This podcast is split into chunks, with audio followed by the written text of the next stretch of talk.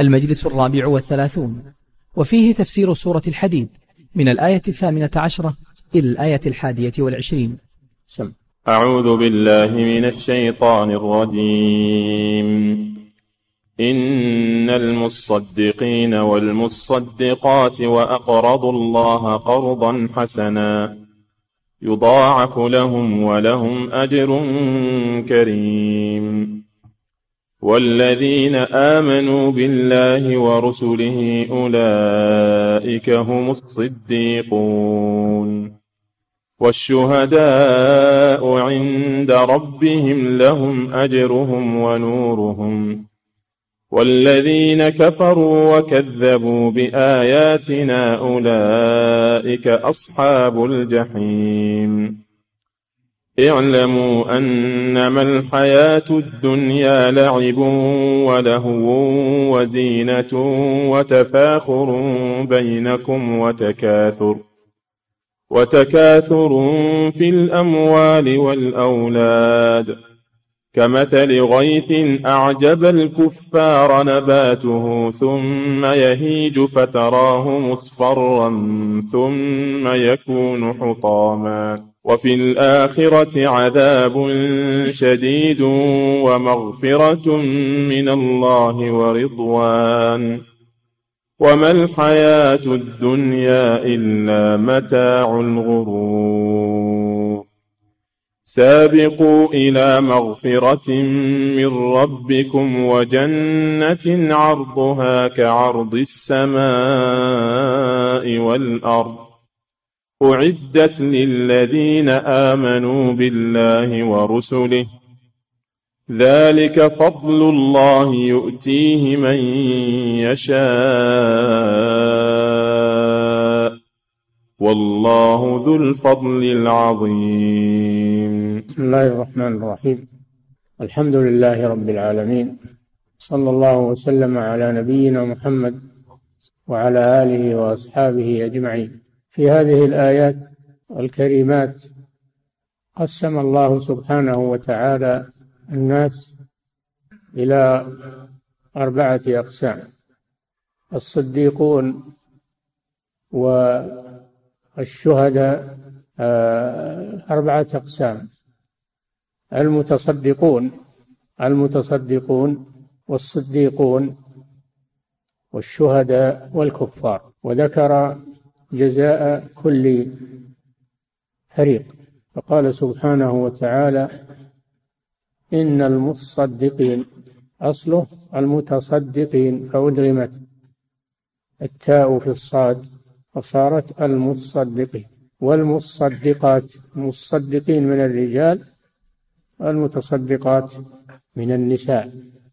فالذكر والأنثى سواء في الأجر والثواب وفي الأعمال سيئها وقبيحها فالرجال والنساء يكون منهم متصدقين ومتصدقات كما أنهم يكون منهم مؤمنون ومؤمنات ومنافقون ومنافقات ومشركون ومشركات فهم عند الله سواء. من عمل صالحا من ذكر أو أنثى فلنحيينه حياة طيبة ولنجزينهم أجرهم بأحسن ما كانوا يعملون. وإنما يفترق الرجال والنساء في أمور الدنيا في أمور الدنيا فليست المرأة مثل الرجل وليس الذكر كالأنثى في الاستعداد الجسمي وفي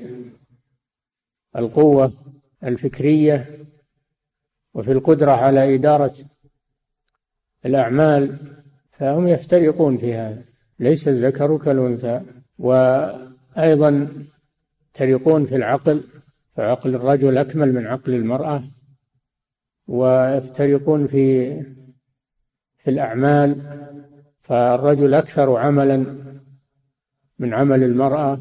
يفترقون في الأجسام الصفات الشخصية فالمرأة يأتريها الحيض والنفاس والولادة وهذه أمور فيها مصلحة للمجتمع لكن الرجل أكمل منها الذي لا يعتريه شيء من هذه الأمور. وكذلك الإرضاع حمل والإرضاع والحيض والنفاس. وكذلك الجهاد في سبيل الله والأسفار. فالمرأة لا لا تصل إلى درجة الرجل في هذه الأعمال ولا تلي الأمور الشاقة كالسلطة والجهاد في سبيل الله هذه لا تطيقها المرأة. كذلك العمل خارج المنزل كأعمال الرجال هذا لا تطيقه المرأة. كما أن الرجل لا يقوم بعمل المرأة في البيت فكذلك المرأة لا تقوم بعمل الرجل خارج البيت.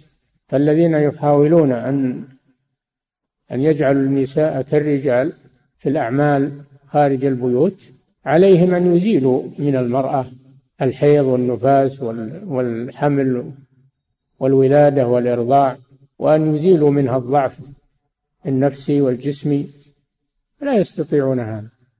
فهم يريدون أن يحملوها ما لا تطيق. وليس هدفهم عمل المرأة وأنها معطلة إنما هدفهم إزالة الفوارق بين الرجال والنساء حتى يزول الحياة والحشمة والعفة. وهذه فكرة من الكفار أصلها من الكفار. يريدون أن يفسدوا المجتمع المسلم. ولهم سماسرة من أبناء المسلمين مع الأسف. يروجون أفكارهم دون أن يشعروا ما لا يريدون أو يشعرون ولكنهم يوافقونهم على على هذا الأمر. أما الأمور التي المرأة تطيقها كالصدقة من مالها إذا كان لها مال فهي والرجل سواء. إن المصدقين والمصدقات فهي مثل الرجل في الصدقة والثواب. لأن هذا شيء تطيقه إذا كان عندها مال. فهي تطيق الصدقة مثل ما يطيقها الرجل.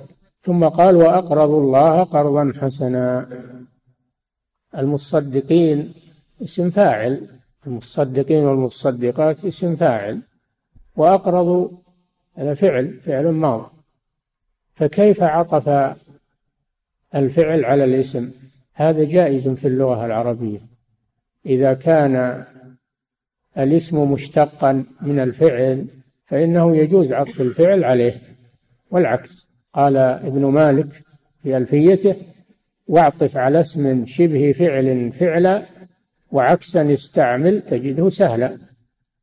ومنه هذه الآية إن المصدقين والمصدقات وأقرضوا لأن التقدير إن الذين تصدقوا واللاتي تصدقن وأقرضوا فالاسم يشبه الفعل. فلذلك عطف عليه واعطف على اسم شبه فعل فعلا عطفه على اسم يشابهه ومشتق منه. وأقرض الله المراد بالقرض أن الإنسان يقتطع. القرض في اللغة القطع. مراد به هنا أن الإنسان يقتطع جزءا من ماله فيدفعه للمحتاج يقضي به حاجته ثم يرد بدله. هذا هو القرض. دفع مال لمن ينتفع به ثم يرد بدله. وفيه أجر عظيم وثواب لما فيه من مساعدة المحتاجين. التنفيس عن المكروبين فالقرض فيه فضل عظيم والصدقة أفضل منه. شوف إن المصدقين والمصدقات هذا تبرع. ثم قال وأقرضوا الله. عطف القرض على الصدقة. فدل على أن القرض فيه فضل كما أن الصدقة فيها فضل. قد جاء في الحديث أن القرض كصدقة مرتين ولأن القرض فيه رفعة للمقترض أنه ما ما يسأل الناس. فيه عزة وفيه رفعة. أما الصدقة ففيها ذلة على المحتاج. لأنك إذا أعطى اليد العليا خير من اليد السفلى كما قال النبي صلى الله عليه وسلم. أي أن المعطي خير من الآخذ الصدقة. ففيها ذلة. لكن القرض ليس فيه ذلة. ليس فيه ذلة. الملوك يقترضون والأغنياء يقترضون و... لأنهم يردون بدله ولكن مع هذا فيه ثواب. عطفه على الصدقة. إن المصدقين والمصدقات وأقرضوا الله قرضا حسنا. ليس فيه منة وليس فيه مفاخرة وإنما هو لوجه الله. هذا هو القرض الحسن.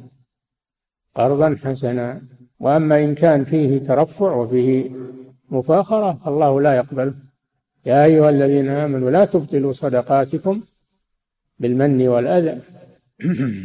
وأقرضوا الله قرضا حسنا. يعني أقرضوا يعني بذلوا من أموالهم ما ينفع إخوانهم المحتاجين من صدقة وقرض وغير ذلك. وأقرضوا الله قرضا حسنا لا قرضا سيئا فيه منة وفيه ترفع على المحتاجين. أو فيه أذى لا تبطلوا صدقاتكم بالمن والأذى. يضاعف لهم يضاعف لهم أجر الصدقة وأجر القرض. الحسنة بعشر أمثالها إلى سبعمائة ضعف إلى أضعاف كثيرة لا يعلمها إلا الله. مثل الذين ينفقون أموالهم في سبيل الله كمثل حبة أنبتت سبع سنابل في كل سنبلة مئة حبة. والله يضاعف لمن يشاء. والله واسع عليم. يضاعف لهم عند الله يضاعف لهم الأجر عند الله. شوف حتى المقرض يضاعف له الأجر مثل المتصدق. يضاعف لهم ولهم أجر كريم والكريم المراد به الشيء النفيس. الشيء النفيس يقال له كريم. فأجرهم أجر نفيس وعظيم. لا يعلم مقداره إلا الله سبحانه وتعالى. يضاعف لهم ولهم أجر كريم. والذين آمنوا بالله ورسله أولئك هذا الصنف الثاني. أولئك والذين آمنوا بالله ورسله أولئك هم الصديقون. آمنوا بالله ورسله. آمنوا بالله ربا وإلها معبودا.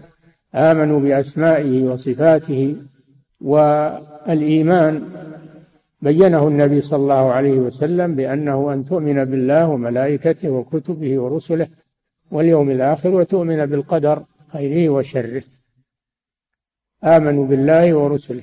والإسلام بينه بقوله أن تشهد أن لا إله إلا الله وأن محمدا رسول الله وتقيم الصلاة وتؤتي الزكاة وتصوم رمضان وتحج البيت إن استطعت إليه سبيلا. فالإسلام أركان ظاهرة. أركانه ظاهرة والإيمان أركانه باطنة. ولا بد من اجتماع الأمرين الإسلام والإيمان. فلا يصلح إيمان بدون إسلام ولا يصلح إسلام بدون إيمان. لا بد من اجتماع الأمرين ظاهرا وباطن ولهذا قال أهل السنة والجماعة الإيمان قول باللسان واعتقاد بالقلب وعمل بالجوارح. فصار الإيمان قول وعمل قول القلب واللسان قول القلب واللسان وعمل القلب واللسان والجوارح. هذا هو الإيمان الذي ينفع صاحبه يوم القيامة. قول باللسان واعتقاد بالقلب وعمل بالجوارح. هذا مجموع الحديثين الإسلام والإيمان. والذين آمنوا بالله ورسله. آمنوا بالله ورسله جميع الرسل من أولهم إلى آخرهم من سمى الله منهم ومن لم يسمه. لا بد من الإيمان بهم جميعا. ولهذا قال ورسله. لا بد من الإيمان بهم جميعا. فالذي يؤمن ببعضهم ويكفر ببعضهم هذا كافر بالجميع. هذا كافر بالجميع. فلا بد من الإيمان بهم جميعا عليهم الصلاة والسلام. لا بد من محبتهم وتوقيرهم ولا بد من معرفة فضلهم على البشرية. الذين آمنوا بالله ورسله أولئك هم الصديقون. جمع صديق والصديق هو كثير الصدق. الصديق هو كثير الصدق. الذي لا يكذب يلازم الصدق ولا يكذب. ما يتعمد الكذب أبدا. ولهذا في الحديث لا يزال الرجل يصدق ويتحرى الصدق حتى يكتب عند الله صديقا. فالصديقون كثير الصدق مع الله ومع الناس. لا يجرب عليهم كذب أبدا وهم أعلى الدرجات لكن بعد النبيين. درجتهم بعد النبيين والصديقين. أولئك هم الصديقون. الذين آمنوا بالله ورسله هذا مبتدأ. أولئك هم الصديقون. خبره فالذين آمنوا بالله والرسل الإيمان المطلوب هم الصديقون. لأنهم صدقوا. لأن الصدق لأن الصديق هو كثير الصدق. فهم صدقوا الله وصدقوا الرسل وعملوا ظاهرا وباطنا. فنالوا هذه الدرجة درجة الصديقية. وهي أعلى الدرجات بعد الأنبياء عليهم الصلاة والسلام. ومن يطع الله والرسول فأولئك مع الذين أنعم الله عليهم من النبيين والصديقين والشهداء والصالحين. حسن أولئك رفيقا. فذكر درجة الصديقين بعد النبي بعد النبيين. أولئك هم الصديقون. والشهداء عند ربهم لهم أجرهم ونورهم. هذا استئناف. هذا استئناف. ليس معطوفا على ما سبق؟ وإنما هو استئناف عطف جملة على جملة. والشهداء قيل المراد بالشهداء الشهداء في سبيل الله الذين قتلوا في سبيل الله لإعلاء كلمة الله. قال الله جل وعلا ولا تحسبن الذين قتلوا في سبيل الله أمواتا بل أحياء عند ربهم يرزقون فرحين بما آتاهم الله من فضله. ويستبشرون بالذين لم يلحقوا بهم من خلفهم ألا خوف عليهم ولا هم يحزنون. يستبشرون بنعمة من الله وفضل وأن الله لا يضيع أجر المؤمنين فهم أحياء. حياة برزخية ليست حياتهم في الدنيا لأنهم قتلوا. لا تحسبن الذين قتلوا قتلوا. فهم فارقوا الحياة في الدنيا لكنهم أحياء عند ربهم. أحياء عند ربهم يرزقون. ولا تقولوا لمن يقتل في سبيل الله أموات بل أحياء ولكن لا تشعرون. لا تشعرون بحياتهم بل هم أحياء عند ربهم حياة برزخية. ولذلك ولذلك يعاملون معاملة الأموات. فيكفنون بثيابهم ويدفنون معاملة الأموات وتتزوج نساءهم تستعد عدة الوفاة وتتزوج وتورث أموالهم. فهم من جهة الدنيا أموات لكن من جهة الآخرة أحياء. وقد جاء في الحديث الصحيح أن أرواحهم تكون في أجواف طير خضر تأوي إلى قناديل معلقة تحت العرش تأكل من ثمار الجنة تسرح في أنهارها وأشجارها ثم تأوي إلى قناديل معلقة تحت العرش. هذه أرواح الشهداء. قالوا لما بذلوا أجسادهم في الدنيا لله عز وجل وقتلوا وجرحوا أبدلهم الله بأجسادهم بهذه الطير الخضر.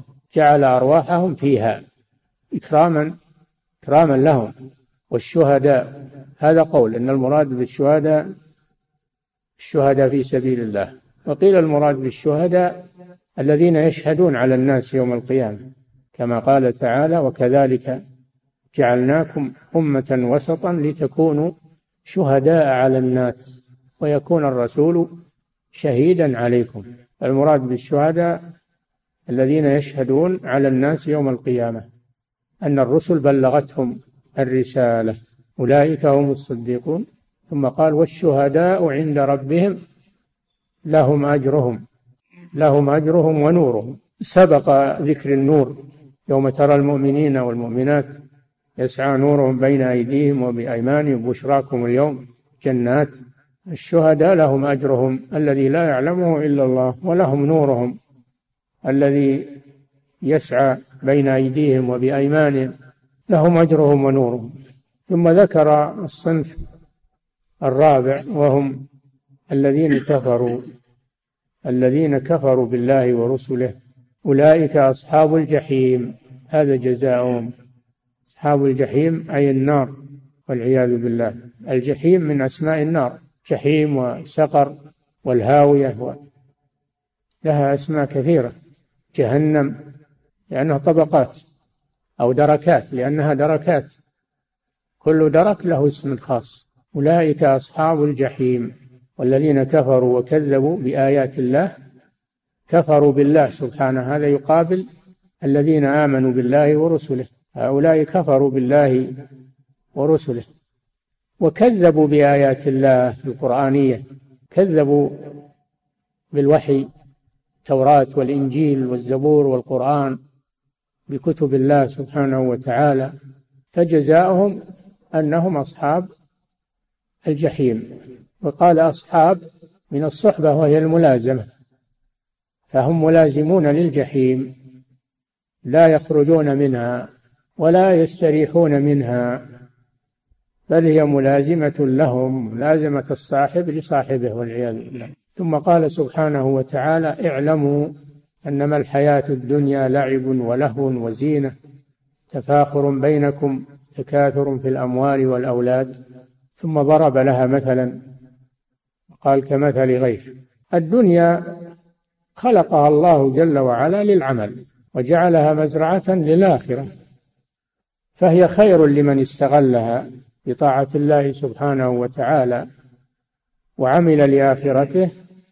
الدنيا خير فرصة لمن استغلها وبادرها وقدم منها لآخرته فهي خير. لكن أكثر الناس استعملوها لغير ذلك للعب واللهو والزينة والتفاخر في الأموال والأولاد. فهم لم يستغلوا الدنيا لما خلقت له وضيعوا وقتهم فيما لا ينفعهم بل فيما يضرهم. إنما اعلموا أنما الحياة الدنيا اعلموا هذه كلمة للاهتمام تنبهوا تنبهوا اعلموا أنما الحياة الدنيا هذا حصر. يعني تصرف كثير من الناس فيها. تصرف كثير من الناس فيها لهو يلهون به عن ذكر الله سبحانه وتعالى. ولعب لا فائدة فيه. لعب. اللعب ما ذكر في القرآن إلا مذموما لأنه يلهي عن ذكر الله. والإنسان ما خلق للعب وإنما خلق للجد. إنما خلق للجد. يعمل لدنياه ويعمل لآخرته لم يخلق للعب. لكن هو حول دنياه إلى اللعب. إنما الحياة الدنيا لعب يعني حولوها إلى لعب. إنما الحياة الدنيا لعب ولهو واللعب معروف أنه لا فائدة فيه. وكيف يلعب من وراءه نار وجنة حساب؟ كيف يلعب؟ وما خلق ليلعب؟ هو خلق ليعبد الله وليقدم لنفسه. كونه يلعب هذا سفاهة. هذه سفاهة. إنما الحياة الدنيا لعب ولهو. واللهو هو ما يشغل عن ذكر الله من الأموال والأولاد. يا أيها الذين آمنوا لا تلهكم أموالكم ولا أولادكم عن ذكر الله. ما قال لا لا تطلبوا الأموال والأولاد لا تطلبوها. لا ما قال كذا. قال لا تلهكم. لا تلهكم أموالكم ولا أولادكم. اطلبوا المال واطلبوا الأولاد لكن لا تلهكم عن ذكر الله عز وجل. لعب ولهو وزينة. مظاهر. الناس أكثرهم مغرا بالمظاهر. زينة في اللباس وزينة في المسكن وزينة في المركب.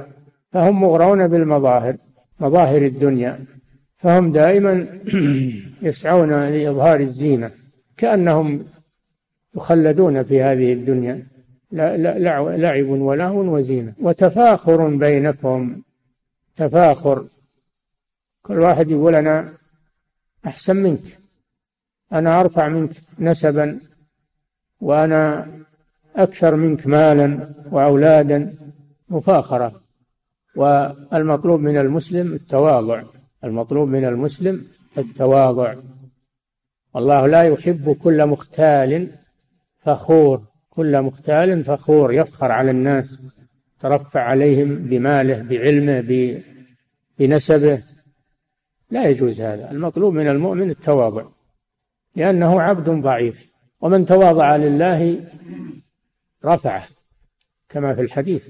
وأما المتكبرون والمفاخرون فإنهم يكونون يوم القيامة أمثال الذر يطأهم الناس. تفاخر بينكم يفاخر بعضكم بعضا وتكاثر في الأموال والأولاد كل واحد يريد أن يكون أكثر من الآخر مالا. ما يكفيه الكفاف؟ ما يكفيه الكفاف؟ وإنما يريد الأرصدة الضخمة والمليارات والملايين.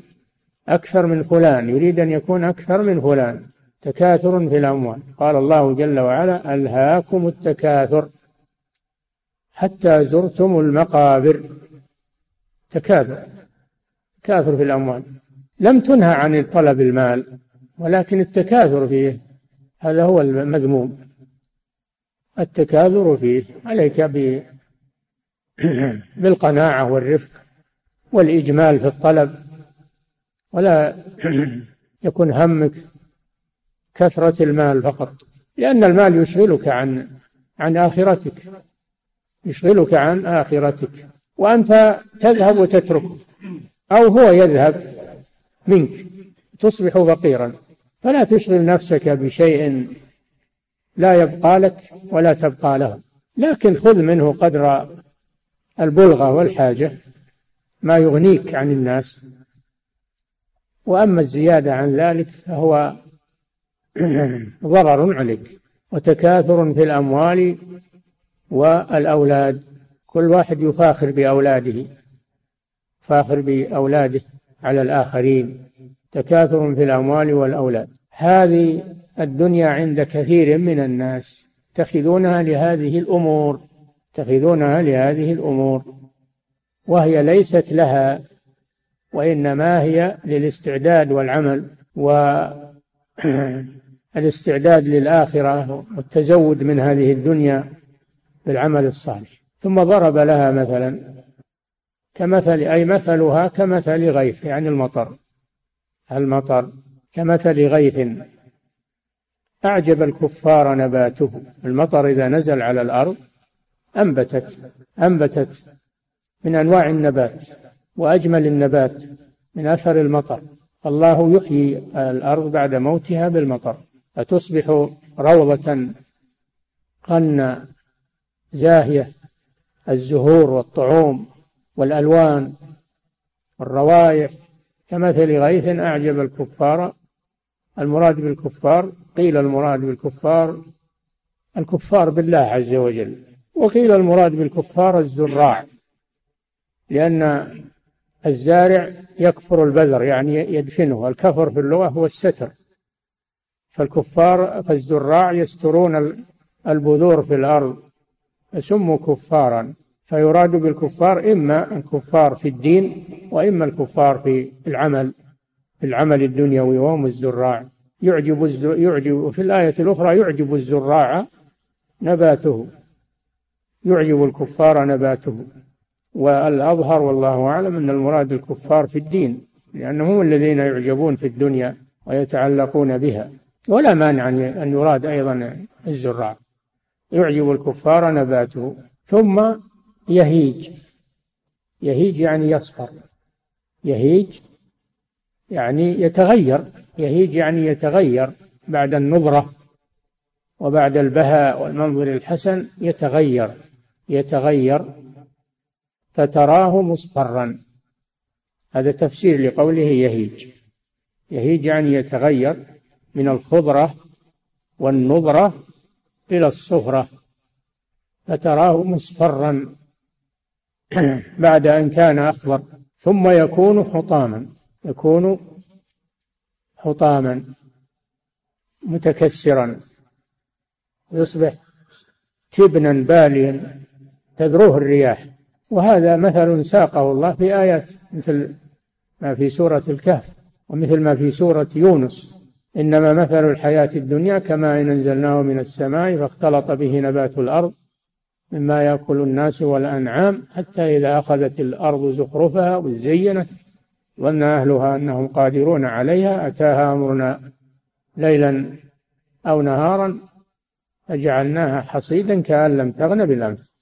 كما إن أنزلناه من السماء فاختلط به نبات الأرض فأصبح هشيما تذروه الرياح. وكان الله على كل شيء مقتدرا. هذا مثل الدنيا. تزين وتجمل وت... لكن أما قريب تتحول إلى خراب وإلى دمار. كل شيء عليها يفنى. المباني القصور المزارع المساكن الحيوانات الآدميون. كل من عليها فان. لا يبقى فيها شيء. ثم يهيج وتراه مصفرا ثم يكون حطاما. هذه الدنيا. ثم ذكر الآخرة. فقال وفي الآخرة عذاب شديد ومغفرة من الله ورضوان. هذه مقارنة بين الدنيا والآخرة. لأجل أن يتنبه المسلم. أن يتنبه المسلم فلا يغتر الدنيا. فلا تغرنكم الحياة الدنيا ولا يغرنكم بالله الغرور أي الشيطان. إن وعد الله حق فلا تغرنكم الحياة الدنيا ولا يغرنكم بالله الغرور. الله جل الأمور ووضحها. لم يبق لنا عذر. الذي يتأمل القرآن ويتدبر القرآن لا لا يبقى له عذر. الله جل وعلا بين كل شيء ووضحه لنا. وفي الآخرة أي في الدار الآخرة لما ذكر الدنيا وما فيها وأنها فانية ذكر الآخرة. في الآخرة عذاب شديد للكفار والعصاة والمذنبين ومغفرة من الله لأهل الإيمان. المغفرة إنما تكون لأهل الإيمان فقد يستحق أحدهم دخول النار فيغفر الله له.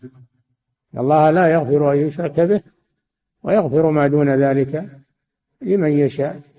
مغفرة من الله ورضوان رضوان من الله. قال تعالى في الآية الأخرى ورضوان من الله أكبر فرضا الله عن أهل الجنة أكبر مما في الجنة من النعيم. ورضوان من الله. هذه الآخرة. فانظر إلى من إلى أي صنف تكون. هل تكون من أهل العذاب الشديد أو تكون من أهل المغفرة والرضوان؟ مغفرة من الله ورضوان. مغفرة من الله للمذنبين ورضوان منه سبحانه للمؤمنين المخلصين الذين ليس لهم ذنوب يرضى الله عنهم ورضوان من الله أكبر. ثم أعاد تذكير بالدنيا فقال وما الحياة الدنيا إلا متاع الغرور. متاع والمتاع معناه الشيء المؤقت. قال تعالى وما الحياة وفرحوا بالحياة الدنيا وما الحياة الدنيا في الآخرة إلا متاع. وما الحياة الدنيا إلا متاع الغرور. مضاف إلى الغرور. والغرور هو الغرور هو الخسارة و وأن الإنسان يغتر بالشيء يظنه خيرا ثم يتبين له أنه شر.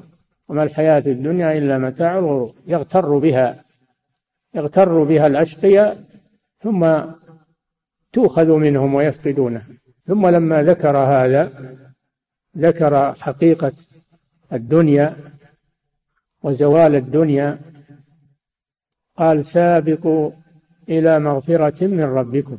إذا كانت الدنيا هكذا فلا تغتروا بها. سابقوا إلى مغفرة من ربكم.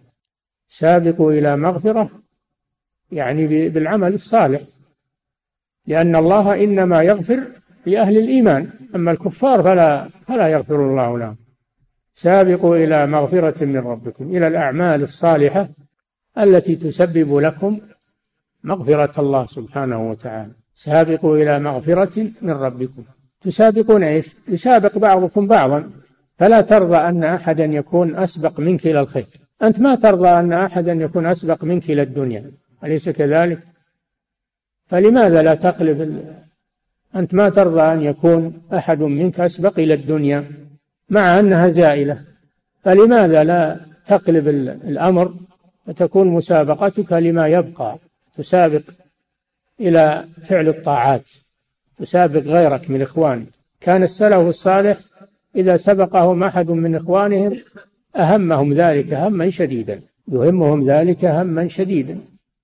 فسابق إلى المسجد سابق إلى الصف الأول سابق إلى صلاة الجمعة سابق إلى كل خير قبل فواته. المسابقة إنما تكون إلى شيء يفوت. وكذلك سابق الوقت. كما تسابق إخوانك سابق الوقت لأن الوقت يذهب إن لم تستدركه وتبادره ذهب. فسابقه قبل فواته. سابقوا إلى مغفرة من ربكم. وجنة عرضها السماوات والأرض. سابقوا إلى جنة عرضها السماوات والأرض. عرضها كعرض السماء كعرض السماء والأرض. في سورة آل عمران عرضها السماوات والأرض. وفي هذه السورة عرضها كعرض السماء والأرض. جنة واسعة. وين الدنيا راحت؟ الجنة عرضها كعرض السماء والأرض. واسعة. يعني لو مدت السماوات السبع ومدت الأراضون السبع وبسطت كلها فإنها تشملها الجنة. تشملها الجنة. فهي واسعة. ومنازل أهلها واسعة جدا. عرضها كعرض السماء والأرض. أنتم تعلمون أو تعلمون يعني عظم السماوات والأرض وسعة السماء والأرض والسماء, بنيناها بأيد وإنا لموسعون والأرض فرشناها فنعم الماهدون. فأينما توجهت إلى الأرض تحتك والسماء فوقك أينما توجهت؟ هل, هل أحد يخرج من السماء والأرض؟ أبدا. أينما توجهت السماء فوقك والأرض تحت وإنا لموسعون. الجنة عرضها كعرض السماء والأرض. ولم يذكر طولها لا طول الطول أكثر بعد لأن الطول أكثر من العرض لكنه ذكر العرض فيعلم منه أن الطول أكثر من العرض. فلا يعلم الجنة إلا الله سبحانه وتعالى. فكيف يزهد في هذه الجنة العظيمة الباقية الطيبة عرضها كعرض السماء والأرض؟ أعدت لمن؟ للذين اتخذوا دينهم لهوا ولعبا؟ لا أعدت للمتقين. عرضها كعرض السماء والأرض أعدت للذين آمنوا بالله ورسله. سبق أنه قالوا الذين آمنوا بالله ورسله أولئك هم الصديقون. وأيضا الله أعد لهم الجنة التي عرضها كعرض السماء والأرض. أعدت للذين آمنوا بالله ورسله. ذلك فضل الله. الجنة العظيمة العريضة؟ هذه من فضل الله سبحانه وتعالى وهي رحمة من الله عز وجل. ذلك فضل الله يؤتيه من يشاء. ولكن يؤتيه من يشاء لكن بسبب من العبد وهو العمل الصالح. فأنت افعل السبب والله جل وعلا لا يضيع عملك لا تخف على عملك أبد. وما كان الله ليضيع إيمانكم. إن الله بالناس لرؤوف رحيم. بل إنه يضاعف الحسنة إلى عشر أمثالها إلى سبعمائة ضعف إلى أضعاف كثيرة. إن الله لا يظلم مثقال ذرة وإن تك حسنة يضاعفها ويؤتي من لدنه أجرا عظيما فتاجر مع الله سبحانه وتعالى. والله ذو الفضل العظيم الذي لا أعظم منه. فهذه المقارنة بين الدنيا والآخرة لمن له عقل وله إيمان وله إرادة وله همة يشمر ويجد ويجتهد ويعلم أن الدنيا ليست دار إقامة وإنما يساق إلى الآخرة والآخرة هي دار القرار فيعمر آخرته من دنياه. فمن خرب دنياه خرب آخرته خسر الدنيا والآخرة. وأما من عمر دنياه بطاعة الله والعمل الصالح عمرت عمر الله له آخرته. هذه حقيقة الدنيا والآخرة. وفقنا الله وإياكم لصالح القول والعمل. صلى الله وسلم على نبينا محمد وعلى آله وأصحابه أجمعين. صلى الله إليكم سماحة الوالد. يقول السائل تقدم معنا في تفسير الآية أن القرض هو لمن يحتاج. والسؤال كيف يسوغ هذا مع أن الله جل وعلا قال وأقرضوا الله فكيف يكون القرض لله عز وجل؟ القرض لله هو تقديم تقديم الصدقة للمحتاجين والله قال أقرضوا الله للحث وإلا فالله غني سبحانه لكن يختبركم ويمتحنكم فإذا أقرضتم المحتاج فكأنما أقرضتم الله سبحانه وتعالى الله ضامن لكم الله ضامن لكم هذا القرض فلا تخافوا عليه نعم صلى الله إليكم سماحة الوالد يقول السائل في قوله تعالى أولئك هم الصديقون والشهداء عند ربهم لهم أجرهم ونورهم. وفي الآية الأخرى قال جل وعلا يوم ترى المؤمنين والمؤمنات يسعى نورهم بين أيديهم. هل هذا يدخل في الشهداء وغير الشهداء؟ أم نعم. أن التفسير نعم. يوم ترى المؤمنين على اختلاف طبقاتهم. ترى المؤمنين عموما يسعى نورهم بين أيديهم وبأيمانهم وفيهم الصديقون والشهداء. نعم. صلى الله عليكم سماحة الوالد. يقول السائل من أراد دراسة كتاب واحد في التفسير والاقتصار عليه فما الكتاب الذي تنصحني به? كتب كثيرة ولله الحمد لكن عليك بالكتب آه، الصحيحة الجيدة التي تتمشى على مذهب السلف الصالح. تفسير ابن جرير تفسير ابن كثير تفسير الشيخ ابن سعدي هذه كتب جيدة ومفيدة ونافعة. وهي مأمونة أيضا. ليس فيها دس ولا دخيل. نعم. أحسن الله إليكم سماحة الوالد. يقول السائل ما موقف المسلم من التوسع الملاحظ في توظيف المرأة في مختلف المجالات وكذلك الابتعاث وغيره؟ موقفه أنه يبين يبين للناس وينصح ويبين للناس. وإن كان له سلطة يمنع لكن اللي ما له سلطة يبين.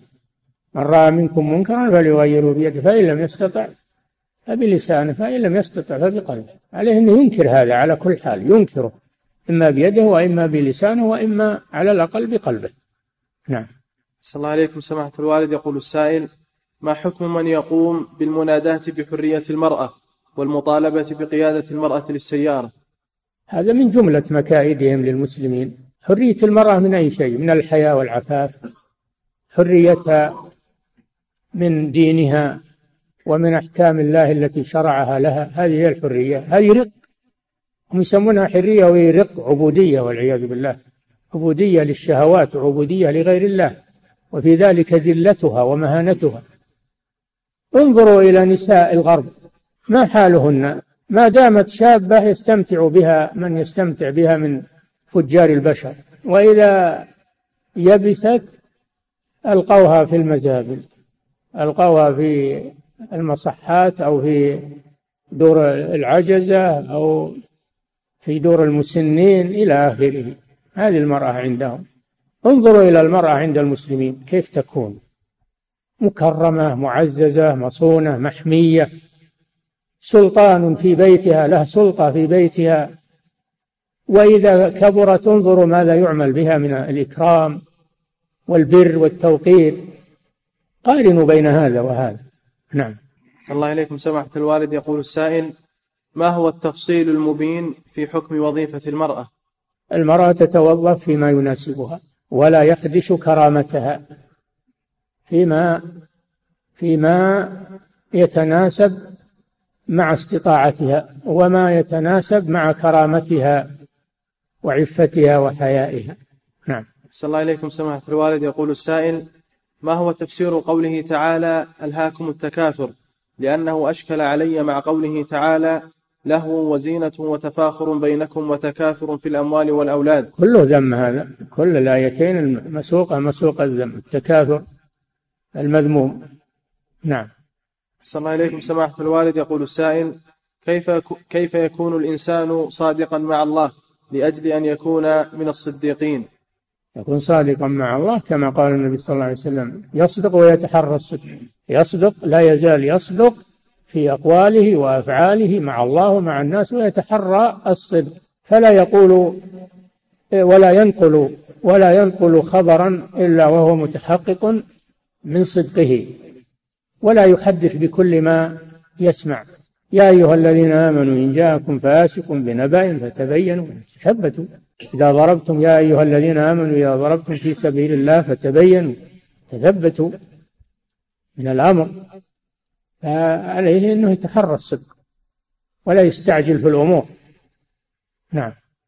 أحسن الله إليكم. سماحة الوالد يقول السائل إذا كان الله تعالى قد قدم الصديقين على الشهداء بنص الآية فهل هذا يدل على أن الصديقين لهم من النعيم العظيم ما للشهداء وأكثر؟ لهم أكثر مما للشهداء الصديقون لهم أكثر مما للشهداء هم بعد النبيين في المنزلة في الدنيا والآخرة. نعم. أحسن الله إليكم سماحة الوالد. يقول السائل هل يأثم الرجل إذا امتنع عن إقراض الآخرين مع قدرته على ذلك أم أن الإقراض مباح؟ لا يأثم لكن يفوته أجر عظيم. يفوته أجر عظيم وربما يبتليه الله فيفتقر ويحتاج إلى القرض فلا يجد من يقرضه. نعم. صلى الله إليكم سماحة الوالد. يقول السائل هل تعلمون لابن القيم الجوزية رحمه الله تفسير؟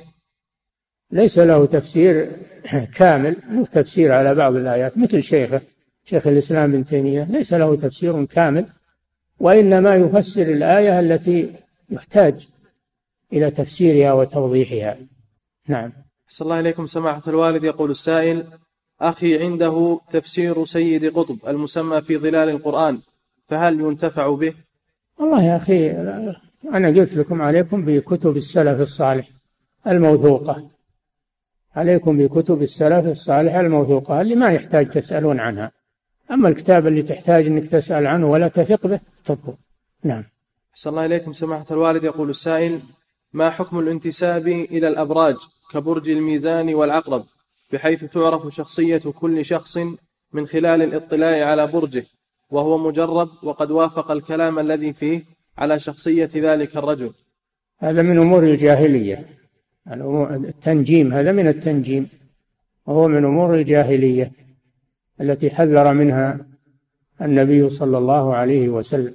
ولو وافق هذا لا يدل على صحة هذا الأمر وإنما هذا من باب الابتلاء والامتحان. أو أن الله قدر هذا ووافق قدر. لا من أجل النجم ولا من أجل البرج. فلا يجوز تصديق هذه الأمور. لا يجوز تصديق هذه الأمور ولا الاشتغال بها. فهذا من أمور الجاهلية وهو يخل بالتوحيد وبالعقيدة. نعم. صلى الله إليكم سماحة الوالد. يقول السائل يوجد جهاز للعب عند أطفالي ولا يعمل هذا الجهاز إلا بعد تركيبه في التلفزيون ويشترط له جهاز التلفاز. وهذه الألعاب ليست فيها ملامح الوجه واضحة فهل يجوز اقتناء هذا الجهاز للأطفال ولعبهم به؟ الله الأطفال يربون على الفضيلة وعلى على الأخلاق الطيبة وعلى يدربون على على الصلاة وعلى الطهارة ويدربون على على الأقوال الطيبة. يربون تربية. أما أنك تلهيهم وتشغلهم بهالأمور هذه ما يقفون عند حد إذا جعلت لهم شاشة فلا يقفون عند حد الذي تريد منهم. لا بد أنهم يبون كل ما يعرض في الشاشة من أمور سيئة. فلا تفتح لهم المجال. لا تفتح لهم المجال في هذا الأمر. أبعد عنهم الشاشة مهما استطعت. خلهم يلعبون ألعاب عادية. ما فيها ما فيها محذور. نعم. صلى الله إليكم. سماحة الوالد يقول السائل كيف نجمع بين قوله صلى الله عليه وسلم تزوجوا الودود الولود فإني مكاثر بكم الأمم يوم القيامة وبين قوله تعالى وتكاثر في الأموال والأولاد طلب كثرة الأولاد من أجل النفع لا بأس به نفع الفرد ونفع الجماعة لا بأس به. أما طلب كثرتهم من أجل المفاخرة هذا لا يجوز. في فرق بين هذا وهذا. نعم.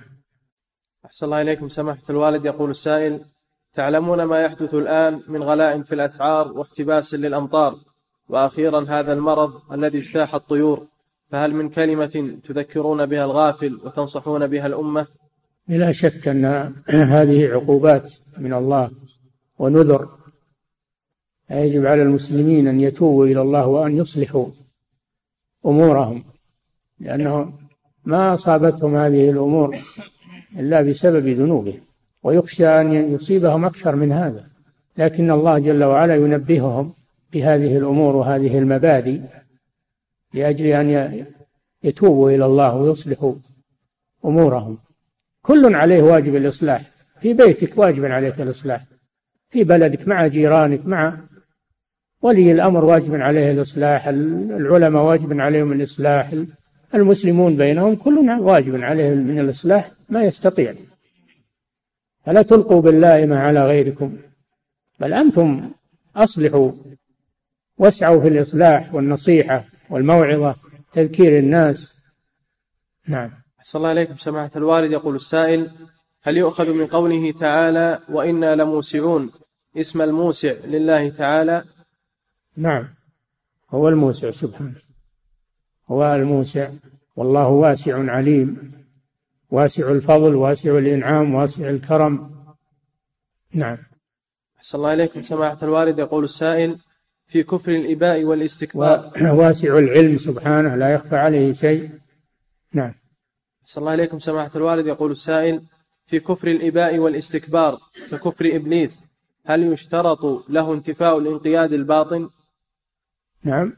يقول أحسن الله إليكم كفر الإباء والاستكبار ككفر إبليس. هل يشترط له انتفاء الانقياد الباطن؟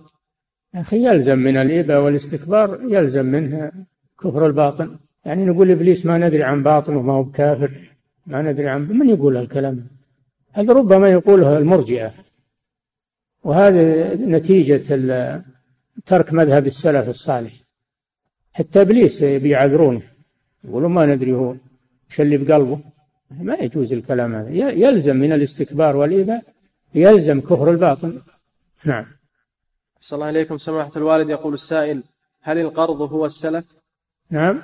هل القرض هو السلف؟ من حيث العوام نعم القرض هو السلف لكن من حيث الشرع القرض هو أن تعطي مالا لمن ينتفع به ويرد بدله. وأما السلف فهو السلم اللي يسمى السلم. اللي تدفع المال لإنسان على أن يؤمن لك عند حلول الأجل يؤمن لك السلع التي تريدها بمواصفاتها. هذا هذا هو السلف في لغة الشرع الذي هو السلم. نعم. أحسن الله إليكم. سماحة الوالد يقول السائل هل الشهيد يغسل ويكفن؟ شهيد المعركة لا لا يغسل ولا يكفن لأجل تبقى عليه دماؤه وآثار الشهادة. أما شهيد غير المعركة كشهيد الهدم أو الغرق أو الحريق فهذا يغسل ويكفن ويصلى عليه. وإنما له أجر الشهداء في الآخرة أما في الدنيا فيعامل معاملة الأموات. نعم. أحسن الله إليكم سماحة الوالد. يقول السائل هل تارك جنس العمل يعد مؤمنا؟ تارك العمل من العمل ما يعد تاركه كافرا كترك الصلاة. الصلاة عمل. وقد قال النبي صلى الله عليه وسلم بين العبد وبين الكفر ترك الصلاة ومن العمل ما يعد تركه منقصا للإيمان وليس مكفرا. العمل يتفاوت فلا يقال جنس العمل كله لا يكون مكفرا أو يقال كله يكون مكفرا. لا بد من التفصيل. نعم. صلى الله إليكم سماحة الوالد يقول السائل النبي صلى الله عليه وسلم لما رأى الأحباش يلعبون ويلهون لم ينكر عليهم وسمح لعائشة رضي الله تعالى عنها برؤيتهم. فكيف الجمع بين ذلك وبين التق... وبين أن اللعب مذموم دائما؟ اللعب الذي يراد به التدرب على الجهاد لا بأس به وهذا هو الذي على هذا الذي فعله الأحباش. كانوا يلعبون بالحراب يلعبون بالحراب جمع حربة وهي آلة الجهاد. يتدربون على الجهاد. ولذلك رخص النبي صلى الله عليه وسلم في أخذ السبق وهو الجائزة ركوب الخيل والرماية وركوب الإبل لأن هذه من أدوات الجهاد. هذا تدرب على الجهاد. وأما عائشة كانت صغيرة تلعب هي والجواري صغار والصغير ما هو مثل الكبير يؤذن للصغير بشيء لا يؤذن للكبير فيه. نعم. صلى الله عليكم سماحة الوالد. يقول السائل انتشر في هذا الوقت بين الشباب لاصق في السيارات مكتوب عليه لبيك يا رسول الله. وذلك بعد إحداث الاستهزاء بالنبي صلى الله عليه وسلم. فما حكم هذا العمل؟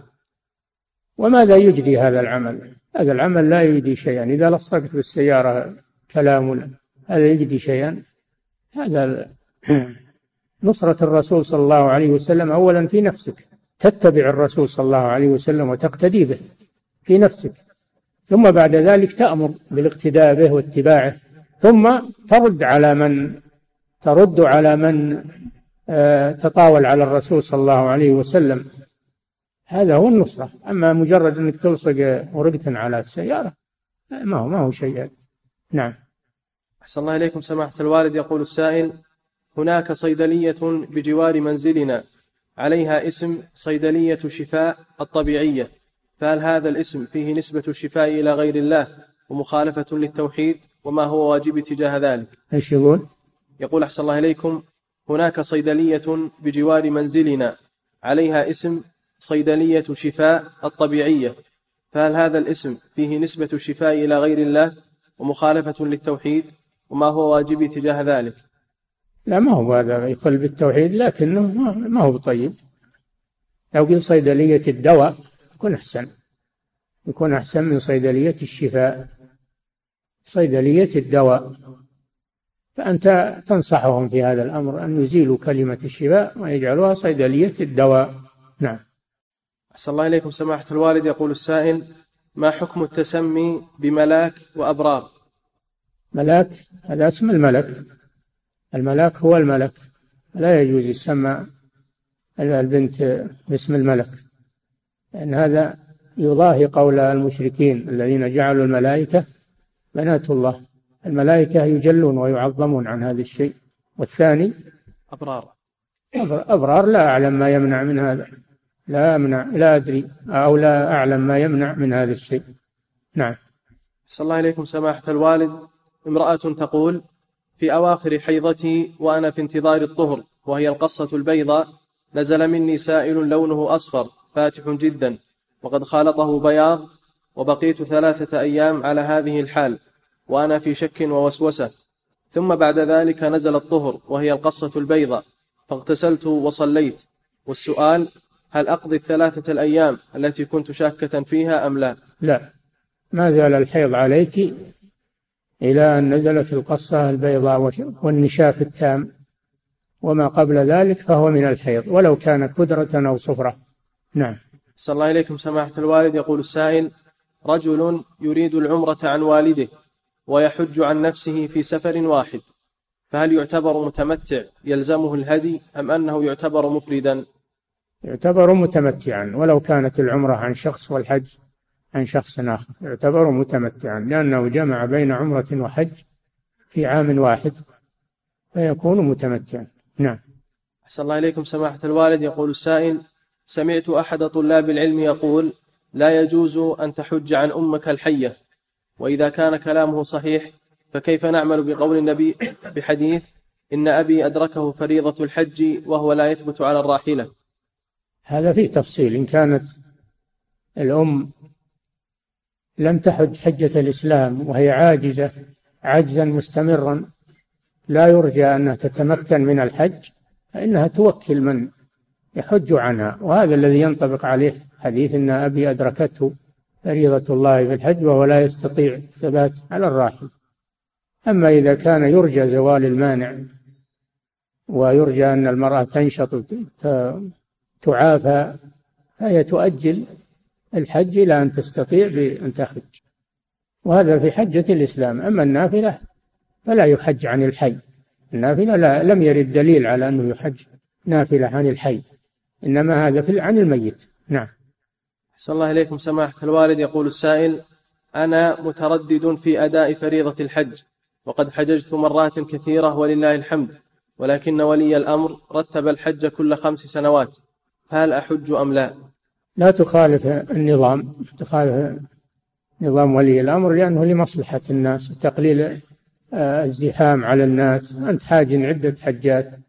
إذا كان حريصا على الخير شوف محتاجين من من جيرانك أو من المحتاجين تصدق عليهم بنفقة الحج. ربما يكون هذا أفضل من حج النافل نعم. أحسن الله إليكم سماحة الوالد. يقول السائل إذا كنت أريد أن أحج عن غيري فهل يشترط لذلك شروط؟ اشترط أن تكون حججت عن نفسك. شرط واحد وهو أن تكون قد حججت عن نفسك الفريضة. نعم. يقول أحسن الله إليكم في تتمة سؤاله وهل يشترط أن يكون المحجوج عنه ميتا؟ يشترط أن يكون ميتا أو حيا لم يحج حجة الإسلام ولا يقدر. ولا يقدر لا في الحال ولا في المستقبل. هذا يحج عنه. نعم. أحسن الله إليكم سماحة الوالد. يقول السائل أيام التشريق الحادي عشر والثاني عشر والثالث عشر وأنا أرغب صيام أيام البيض من شهر ذي الحجة فهل يجوز لي صيام اليوم الثالث عشر؟ حيث إنه مشترك بين أيام التشريق وأيام البيض. لا يجوز لك لأن أيام البيض أيام عيد ولا يجوز صوم يوم العيد. في حديث عائشة لم يرخص في أيام التشريق أن يصمن إلا عن دم متحة أو قران.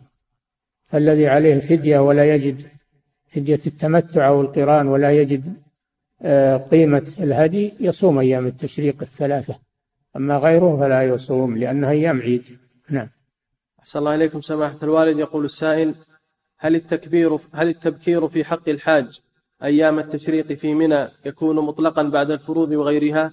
ها؟ يقول أحسن الله إليكم هل التبكير هل التكبير في حق الحاج تقول التبكير ولا التكبير؟ هو هو ذكرها بالتكبير لكن يظهر أنه يريد التكبير. إيه التكبير. إيش فيه؟ يقول أحسن إليكم هل التكبير في حق الحاج أيام التشريق؟ في منى يكون مطلقا بعد الفروض وغيرها وفي جميع الأوقات؟ في أيام منى يجتمع التكبير المطلق والمقيد. تكبر بعد الفرائض مع الجماعة وتكبر التكبير المطلق بعد ذلك. نعم. صلى الله عليكم سماحة الوالد. يقول السائل هل يجوز للحاج إذا أراد السفر من منى في يوم الث... في اليوم الثاني عشر أو الثالث عشر. هل يقول أحسن الله إليكم هل يجوز للحاج إذا أراد السفر من منى في اليوم الثاني عشر أو في اليوم الثالث عشر أو في اليوم الثالث عشر أن يجمع بين الظهر والعصر؟ نعم لا مانع. الجمع جائز. حيث جاز القصر يجوز الجمع. لكن إذا كان مقيما في منى ثلاثة أيام فيقصر بلا جمع كما فعل النبي صلى الله عليه وسلم. وإذا جمع فلا بأس لكن خلاف الأولى. نعم. صلى الله عليكم سماحة الوالد يقول السائل هل يجوز إخراج لحوم الهدي والفدية خارج مكة؟ وهو ما يفعله الشركات المعتمدة الآن والموكلة بذلك؟ اللحم لا بأس الذبح هو اللي ما يجوز إلا في الحرم. الذبح لا يجوز إلا في الحرم. أما إخراج اللحوم والانتفاع بها فيجوز في كل مكان. نعم. أحسن الله إليكم. سماحة الوالد يقول السائل اعتمرت عشرة مرات.